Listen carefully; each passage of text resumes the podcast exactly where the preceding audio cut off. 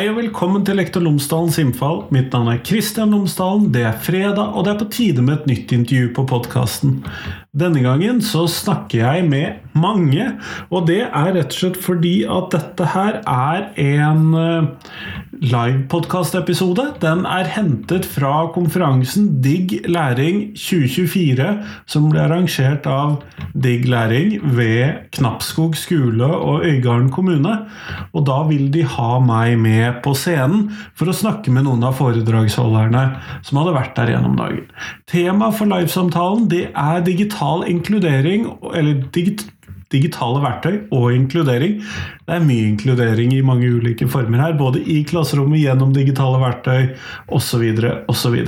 Og der snakker jeg med Mari Lura Elvedal, også kjent som Bokstav-Mari. Jeg snakker med Simen Spurkland. Mistenker at han ikke trenger noen videre Eh, introduksjonen det. Åsne Midtbø Aas fra Dysleksi Norge og Ingvild Vikingsen Skogestad fra Digg Læring. Sånn at dette er opptaket fra, live eh, fra livesendingen. Det er litt dårligere lyd enn vanlig. Det er rett og slett fordi at vi er mange mikrofoner, mange som sitter på scenen. Det er klapping, det er lyd fra salen osv. så videre, sånn at eh, det får du ha meg tilgitt. Jeg har prøvd å vaske litt i det, men litt mer uro enn vanlig. Ellers, podkasten er som vanlig sponset av Fagbokflagget, som utgir bøker og digitale læremidler for hele utdanningsløpet, fra barnehage til høyere utdanning og profesjonsstudier, samt norsk for minoritetsspråklige. Og Fagbokflagget kommer stadig ut med nye, relevante læremidler, så følg med på fagbokforlaget.no. Og Så vil jeg gjerne spørre deg, som en del av da, denne sponsorregjeringen fra Fagbokforlag, har du noen gang tenkt over de barna som har en inagerende atferd? De barna som ofte blir borte i en hektisk hverdag i barnehage og skole, og som noen ganger det kan være litt for lett å gå forbi. Nå i august så kommer den andre utgaven av Det stille atferdsproblemet av Ingrid Lund, som setter søkelyset mot barn og unge som viser en inagerende atferd i skole og barnehage. Denne utgaven inneholder ny forskningsbasert kunnskap anvendt opp mot konkrete tiltak i barnehage og skole.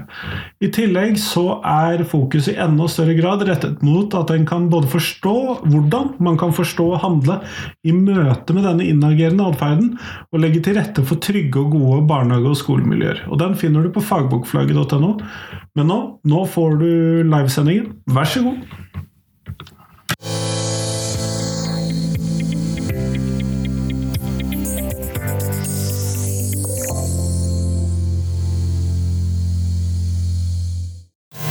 Hei og velkommen til denne liveinnspillingen av Lektor Lomsdalens innfall. Eh, den slippes ut i den store virkeligheten utenfor på fredag som kommer.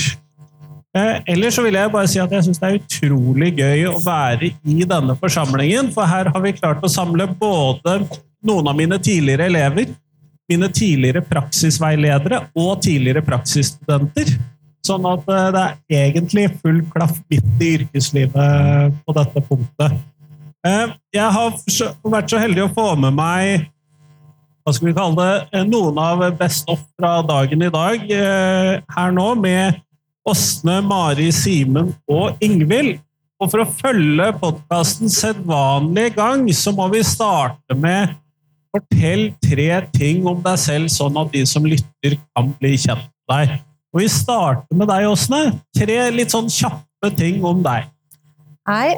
Jeg eh, eh jobber som eh, pedagogisk rådgiver i Dysleksi Norge. Og har jobba som lærer og rektor i mange år. Og jeg bor på Notodden og er fra Bø i Telemark. Tusen takk. Hva med deg, Mari? Ja, hei, jeg heter Mari. Jeg kommer fra Bryne. Vi jobber på Sandnes, og der jobber jeg som eh, leselærer i første og andre klasse. Eh, går under navnet Bokstav-Mari, da. ja. Kjempeflott. Simen, hva med deg? Tja, eh, lærer som har vært i nesten alle slag unntatt barnehagen og første til fjerde klasse. Eh, er glad i digitale verktøy og drømmer egentlig om å være skiboms og bo i veteranbobilen min eh, på fjellet. ja, nettopp. Ingvild?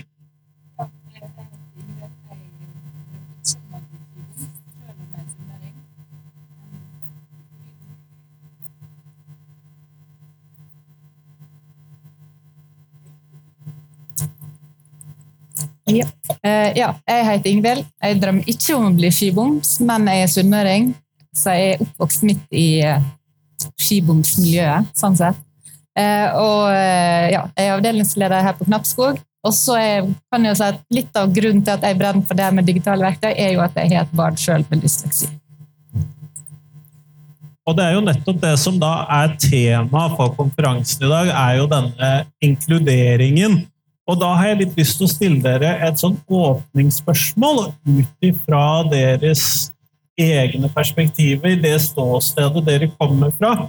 Eh, hva, hvordan kan digitale verktøy best mulig skape inkludering i skolen i praksis fra deres ståsted?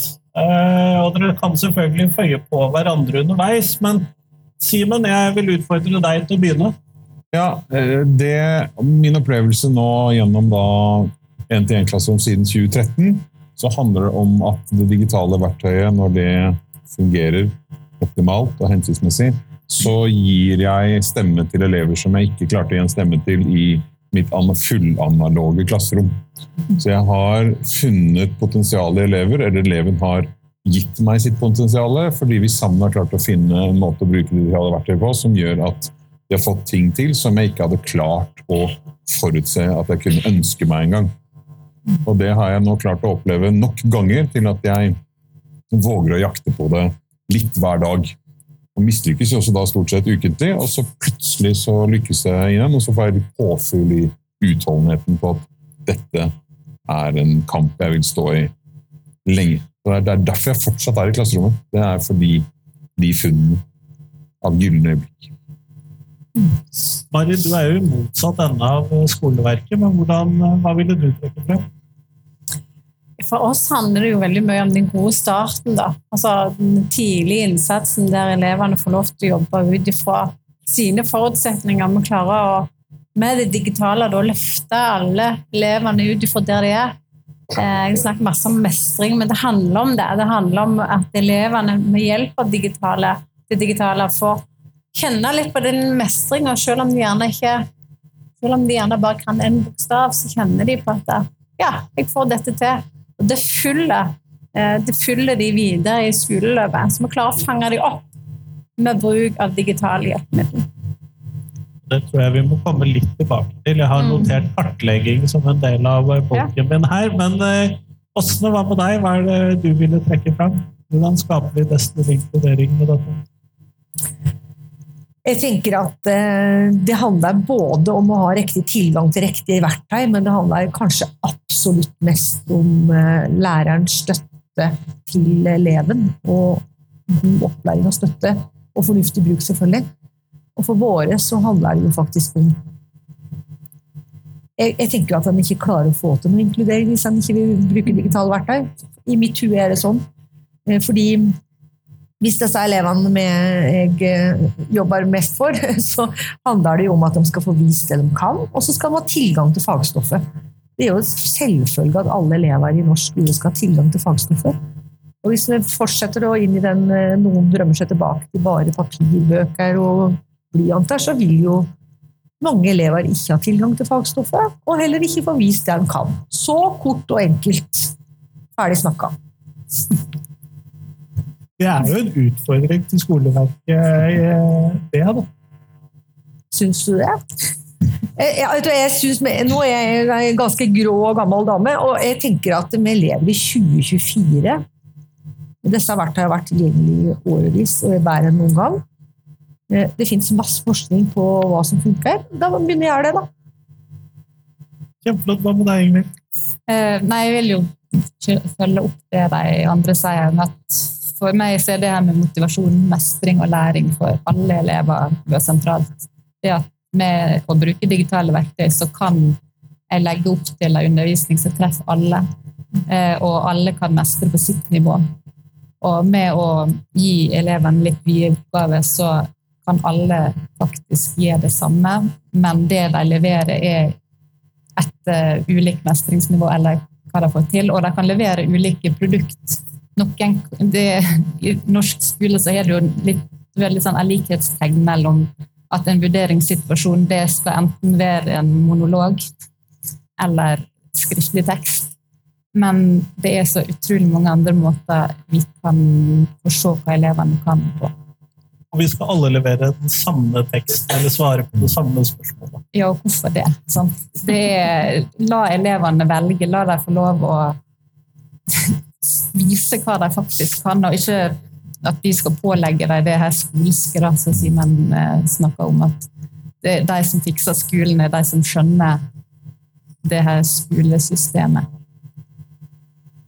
Ja, og nå bringer du meg inn i noe som jeg hadde tenkt å utsette litt. Eh, men vi ser jo på mange måter en viss sånn backlash mot noe av digitaliseringen. Samtidig så tror jeg ikke vi kan si at det er noe vi ser nå, for det har jo egentlig alltid vært protester mot i ulike former mot digitalisering inn i skolen, sånn at dette er jo ikke noe nytt.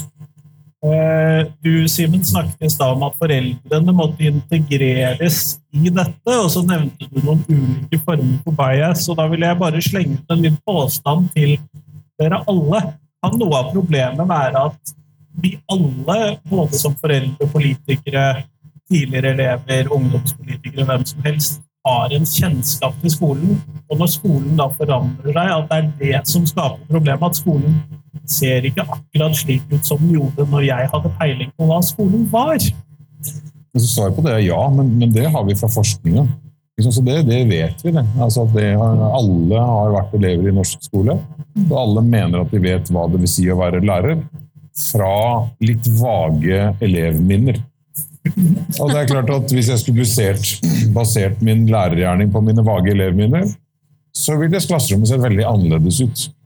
Eh, og så klarer ikke lærerutdanninga, og, og det, igjen, dette vet vi fra, altså, fra noen år tilbake, med at liksom de, de, får litt kjeft, eh, lærerutdanninga, for ikke å være gode nok på å, uh, å bidra inn til profesjonskompetansen, identitetsskapingen hos lærerstudentene. Og da kommer de ut som eh, litt sånn vage hybrider av sine egne elevminner, på tross av eller på grunn av de lærerne de har hatt.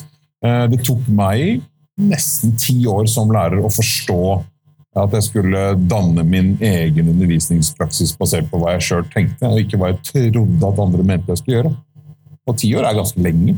Eh, nå er det på det 24. året og jobber daglig for å utvikle den formen jeg nå mener jeg har funnet. Hvordan har du gjort deg noen tanker i, eh, i den retningen? Tenker du i forhold til lærerutdanninga? Ja, både lærerutdanning, men også den integreringen av disse foresatte. Og det at alle føler at eh, de kjenner denne skolen. Ja, vi jobba veldig tett på foreldre, så jeg jobber i en, i en brukerorganisasjon. da. Og vi møter kanskje det, det er veldig lite, møter jo kanskje foreldre som ikke er så veldig digitalt skeptiske, fordi at det, de ser jo sin, sine egne barn. Det er dessverre sånn at fortsatt så finnes det jo også klasserom i Norge som er veldig likt når jeg gikk på skolen, og jeg er ganske mye eldre enn dere. Så nå snakker vi 60-tallet, liksom. Eh, så, eh, nei, men for å fleipe litt, da. Så det er jo, au det er jo ikke alt Når vi hører i media at hva er skole som hvordan en skole er, så er det ikke sånn at alle elever sitter eh, og gjør ting på samme måte. Det er veldig mye forskjellig. Veldig mye bra. Men også ganske mye konservatisme i forhold til at vi fortsetter å gjøre en god del ting som vi egentlig ikke vet hvorfor gjør men her. Er det mest mulig effektivt? Og det er ofte veldig lite forskningsbasert. da. Eh, så jeg tenker at eh, foreldre eh, må få kunnskap, vi må være flinke til å fortelle hvorfor vi gjør ting. Så for, det Der er vi for dårlige. Vi er for dårlige jevnt over til å si hva vi gjør av bra ting. Og så er jo jeg veldig glad i at vi, i forhold til det jeg eh, jobber mest med, i forhold til f.eks. hvis en skal bruke eh, lære opp eh, elever med dysleksi for eksempel, bli gode på verktøyene, så er det jo avgjørende at foreldre blir det òg. Og alle foreldre er ikke digitalt kompetente heller. Så jeg syns at vi må gjøre en fellesjobb, og der med skole og heim kan samarbeide rundt dette, her, så blir det alltid best. Så, så vi har jo en stor jobb å gjøre her på å være mye flinkere til å dele det vi gjør av gode ting. Mari og Ingvild, dere jobber jo kanskje tettest på disse foreldrene på mange måter. Når du skal informere disse foreldrene om hvordan du har tenkt å legge opp leseundervisningen, Mari, hvordan eh, gjør vi da det? Vi er nok ikke flinke nok, tenker jeg, men vi er bevisste på å på en måte begrunne eh, og forklare hvorfor vi gjør det, hvorfor vi bruker masse skriving da, hvorfor vi bruker det digitale. Eh, men, men klart at vi møter også motstand i forhold til hvorfor, dere, hvorfor bruker dere ikke blyanten mer? Eh, og så, så er det litt sånn eh, vi, vi brenner for dette, men av og til kan du bli litt i tvil. Plutselig, hvorfor gjør vi jo ikke det? Så kommer det forskning og nye artikler. Men, men vi ser det jo hver dag at det virker. Så vi prøver å vise elevproduktet, da. Det, det er virkningsfullt. Eh, men eh, om vi klarer å overbevise alle, det tror jeg nesten ikke. De må komme inn da og se. Ja.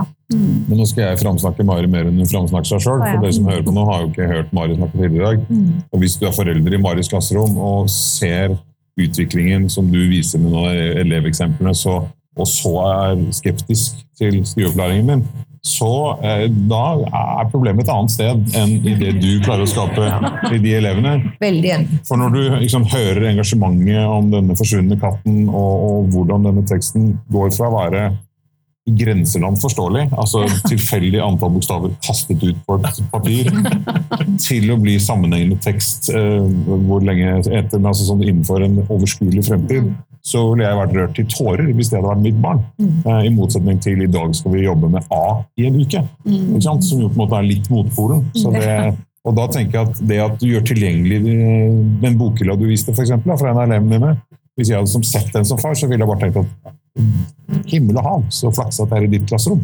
Dette er bevis godt nok.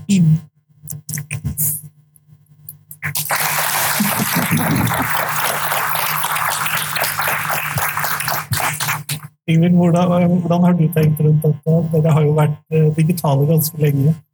Ja. Eh, vi har jo fra første stund vært opptatt av nettopp det å prøve å få få med oss foreldre. Og forklare hvorfor vi gjør det vi gjør, hva vi gjør, og også ta dem med underveis, ta dem med i prosjekt. Og det er sånn, Den konferansen her vi er jo faktisk med på at foreldre skjønner hva vi driver med. Eh, og vi har unger som er her på Skaperverkstedet fra både tredje, fjerde, nei, fjerde, fem, sjette og 7. klasse, som kommer på sin fridag for å vise. Det å stille opp på messer og være med på ting, at elevene får et eget forhold til det, gjør at foreldre får det samme. Og, det, og vi, her, vi sier litt sånn at ja, vi, vi går rundt her med T-skjorte og digg lærer på elevene våre, de har digg elev. Og vi har hatt foreldre som har sagt at å, kan ikke vi få sånn stå digg foreldre på? sånn, og, og vi må ha foreldre med på lag. Og jeg, jeg vet jo, vi ser jo, det er jo veldig masse dårlig Det skjer jo veldig masse rart. Og jeg har jo gjort rare ting sjøl som jeg nå tenker at det var kanskje ikke det lureste jeg gjorde i klasserommet. Men så vi må an anerkjenne skepsisen, og så må vi på en måte si at ja, men da må vi heller lære. Da må vi heller øke kompetansen vår. Da må vi heller finne noe som virker. Og vi kan ikke si at samfunnet endrer seg, så skolen må holde igjen. Det gir jo ikke mening. for Samfunnet endrer seg, og det er jo ikke det er jo ikke på skolen elevene lærer at det er sånne korte filmer som de kan se på. Det er jo hjemme. Vi må jo øve opp den kognitive kondisen her. Sånn, vi kan ikke legge vekk det digitale fordi at de ser på korte TikTok-snutter hjemme. Da må vi heller øve oss på å unngå distraksjoner når, vi ser på skjermen på skolen. Og det er jo ikke sånn at du vokser opp, og så forsvinner distraksjonen. Nei, den uh, er høyst til stede også på min telefon. Ja, og det er jo, det er jo bare å se på oss sjøl. Vi er jo ekstremt dårlige sjøl, og ingen har lært oss det. Så da må vi faktisk ta det ansvaret og lære våre elever det her. Vi kan ikke lukke oss inn og si at det her er skole, og digital kompetanse det skal ikke jeg lære. Sånn sett så bør man jo berømme dette publikummet. Jeg ser fjeset på de aller fleste av dem. Eh, Men når vi da skal eh, Du har jo snakket litt om kartlegging, Mari, for å få bedre oversikt over elevene. Jeg mistenker at Åsne kanskje kunne fortalt om noe av det samme. Hvordan kan vi Jeg har snakket med Simen om kartlegging en gang tidligere også, eh, på podkasten, så man kan jo hente opp det. Men hvordan, eh, hvilke verktøy er det du nå ser, eller hvordan bruker du da dette for å vite hvor elevene ligger an best mulig? Er ikke det veldig mye å lese for deg fra elevenes arbeider?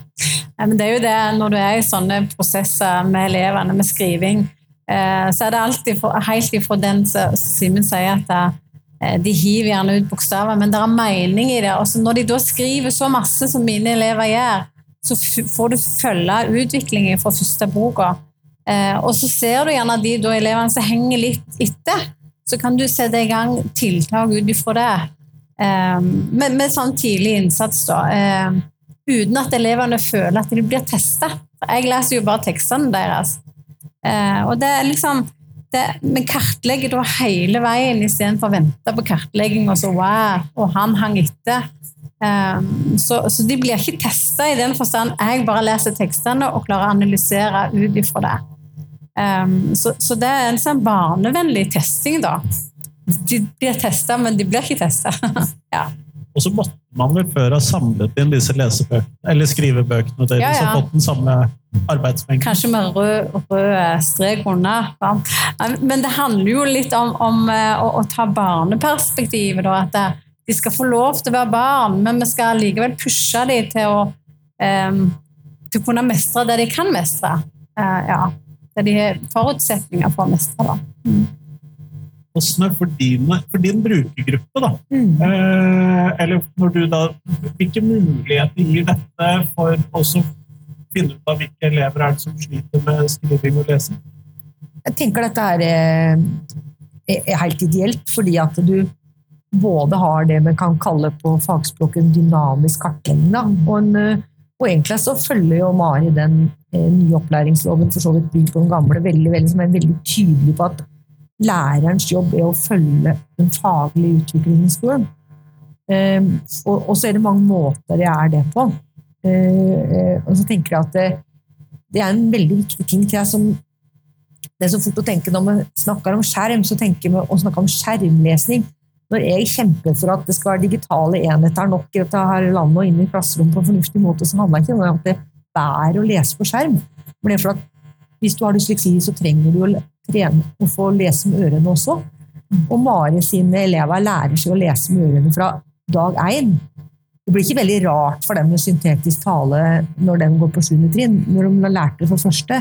Og, de, og de får lov til å, få en, Hvis det er en elev med dysleksi i hennes klasse, for det første så tror jeg hun kommer til å oppdage det ganske tidlig, og så vil en hele tida få jobbe på flere måter og få styrke det som vil være styrken til en elev med dysleksi, vil jo være det at den er god til å lytte.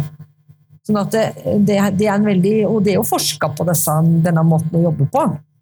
Så det vil jo jeg si den ivaretar både loven med at det, faktisk er det sånn at alle lærere i første til fjerde trinn er pålagt faktisk å være føre var. Og det er jo det du er, Mari. Du er føre var. Mm.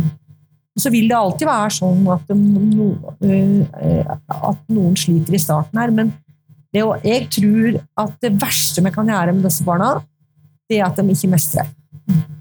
Og det er det som er det geniale her, at barnet opplever mestring. For det er det som er vanskelig når de kommer til Simen. er jo ikke det vanskelig med det er noen som er dårlig til å lese når de kommer til videregående. Men det som er ille, er at, du har, at gardina er dratt ned. Åssen i himmelen så hjelper ikke mye Simen kan om å tilrettelegge da, hvis, hvis den stakkars eleven har gitt opp. Og det er disse her elevene som har gitt opp, og som ikke har det bra, som gjør at de får drop-off, at de slutter, at de ikke kommer seg i arbeid. Sånn at liksom det her, det her, den investeringa vi holder på med her, den er livsviktig, faktisk. Altså. Jeg sy eh, og det er vanskelig å være uenig med deg i det. Ja, det er vanskelig. Du kan bare prøve. Eh, Men det som jeg hang meg litt opp i, det var denne beskrivelsen av denne tilvenningen til syntetisk tale. Ja. Fordi at jeg har sett elever som får digitale bøker på videregående. Mm. Eh, Når, når de har gått da i skoleverket en stund, og de er vant til at hvis de først har lydbøker, så er det ordentlig innleste ting osv. Men når de da får den der datatalen Det tar ganske lang tid før de venner seg til den. Ja. Men det igjen, hva vi tenker som lærere i forhold til det, for det er to måter å ha denne talen på. Den ene er jo det at det aller beste er jo at mamma leser, eller du leser, eller ikke sant? At den liker vi alle sammen. Nei. men det vil jo også si at du kan jo ikke ha med deg mamma i sekken resten av livet.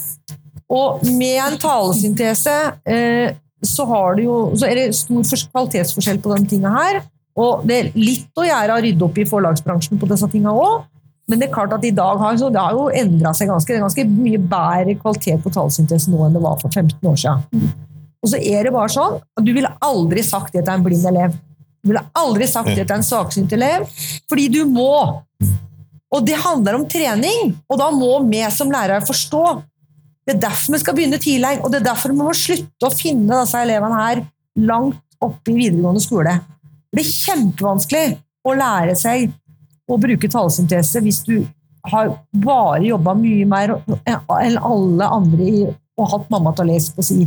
Du kan jo ikke ha med mamma i militæret, liksom. Ja, men det er ikke, det, det er ikke tull. Jeg kjenner jo foreldre Interessant som tanke, har å ha med mamma militær. ja, ville du hatt det? Nei, men jeg tenker at det er sånn at det, er, det må være klar over det fra foreldreperspektivet. Jeg kjenner, vi har mm, foreldre i vår organisasjon som har slutta å jobbe for å være hjemme for å støtte ungene sine med lekser, fordi at de får ikke tilrettelegging. Sånn kan vi ikke ha det. Så da må vi utnytte det som ligger i det tekniske her. Og så må vi heller ta en krangling eller en utfordring eller diskutere med forlag og dem som lager læremidler på at kvaliteten må være bra nok, for der er det litt å hente. Men jeg tror ofte det er sånn at hvis jeg som lærer ikke har tro på det, så tenker jeg stakkars unge skal han høre på de rare greiene. Jeg møter så mange lærere som sier han er kunstig talende tale så rar. Men, men det er jo faktisk en måte å bli selvstendig på. Jeg er enig i det. må jeg bare skyte inn. for. Jeg var borti mange, ikke mange, eh, noen er lærere som slutter å bruke skriveprogrammet talestøtte for de syns det høres så rart. Altså, de sjøl syns det. Så kutter de det. Og det er jo trist, da. Da er det jo jeg som lærer og mine behov som styrer om elevene får lov til å utvikle seg på den ut fra sine forutsetninger. Vi går mot slutten av eh, programmet her i dag, fordi at vi, veldig går tom for tid. eh, og da så pleier jeg å stille spørsmålet hvilken lærer har gjort størst eller hatt størst betydning for deg, og, eller gjort størst inntrykk på deg, og hvorfor det. Men jeg tror vi skal holde oss til eh, enten eller. Beskriv den læreren, eller si navnet på den læreren, som eh, vi har ikke så mye tid. Ingvild? Eh, ja, det vil ta en barneskolelærer som var sånn kunstnersjel. Slik at når jeg tenkte tilbake på barneskolen, så husker jeg alle prosjekter vi hadde. Så jeg husker at vi har lært om vikingtida. Jeg husker hva vi har lært fordi at vi skapte noe, vi lagde noe. Og det er noe av det jeg prøver å ta med meg videre nå med det digitale, og når jeg har tid til å gjøre andre ting. Det å skape la elevene flere kreative. Tusen takk. Simen? Jeg er så heldig at jeg husker flere lærere som har gjort inntrykk, men det er klart at frøken Ingrid, som hadde meg fra første til sjette klasse, og vi var hennes første klasse, det gjorde inntrykk på både henne og oss. Eh, Men eh, jeg husker på en måte Simen seks-syv år som, som ble sett av Ingrid og forstått, og fikk lov til å være litt, eh, ha litt ekstra vondt, og så på en måte få støtte til å til å, bli, til å finne seg selv sakte, men sikkert gjennom barneskolen. Så det er frøken fra første til sjette. Tusen takk. Mari? Ja, jeg, har ikke, jeg har tenkt litt på det, men jeg har ikke noen sånn spesielle lærere. Jeg er nok litt mer sånn prosjekt. Elsker juleverk, så det husker jeg veldig godt. Det er læreren som setter i gang sånne tverrfaglige prosjekt. Eh, det er nok prosjekt jeg husker mer enn selve læreren. da. Og litt kreative ting syns jeg sikkert var galgjeldt. Åsne? Jeg kommer aldri til å glemme min lærer på mellomtrinnet, som heter Knut Løvlund. eh, Som var en eh, musisk lærer som fikk 31 sprø unger fra, fra disse lokale små skolene og inn til Bø skole. Og som hadde bare Han sang og han dikta. Han, ja, han var fantastisk. Så det, han har jeg alltid hatt som mitt idol. Og det, ja, kanskje litt av motivasjonen for å bli lærer sjøl. Kjempeflott. Tusen takk, alle sammen. Og tusen takk til dere som har sittet og lyttet.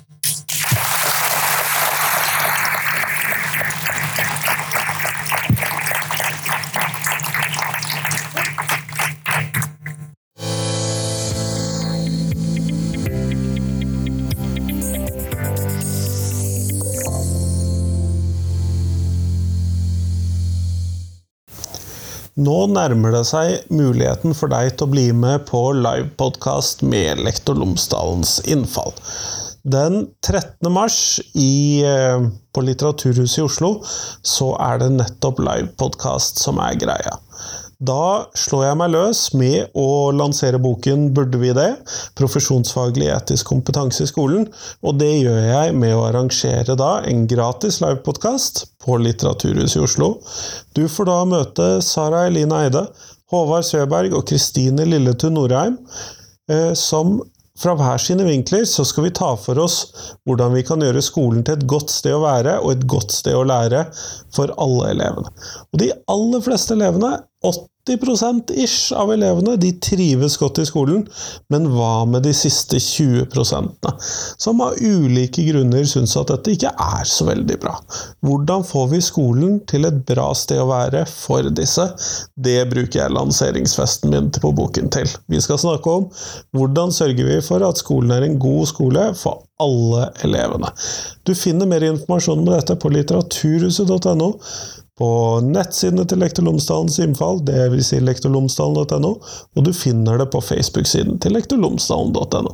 Finner det også i Facebook-gruppen, så her er det masse muligheter til å finne ut mer om livepodkasten 13. mars, Litteraturhuset i Oslo.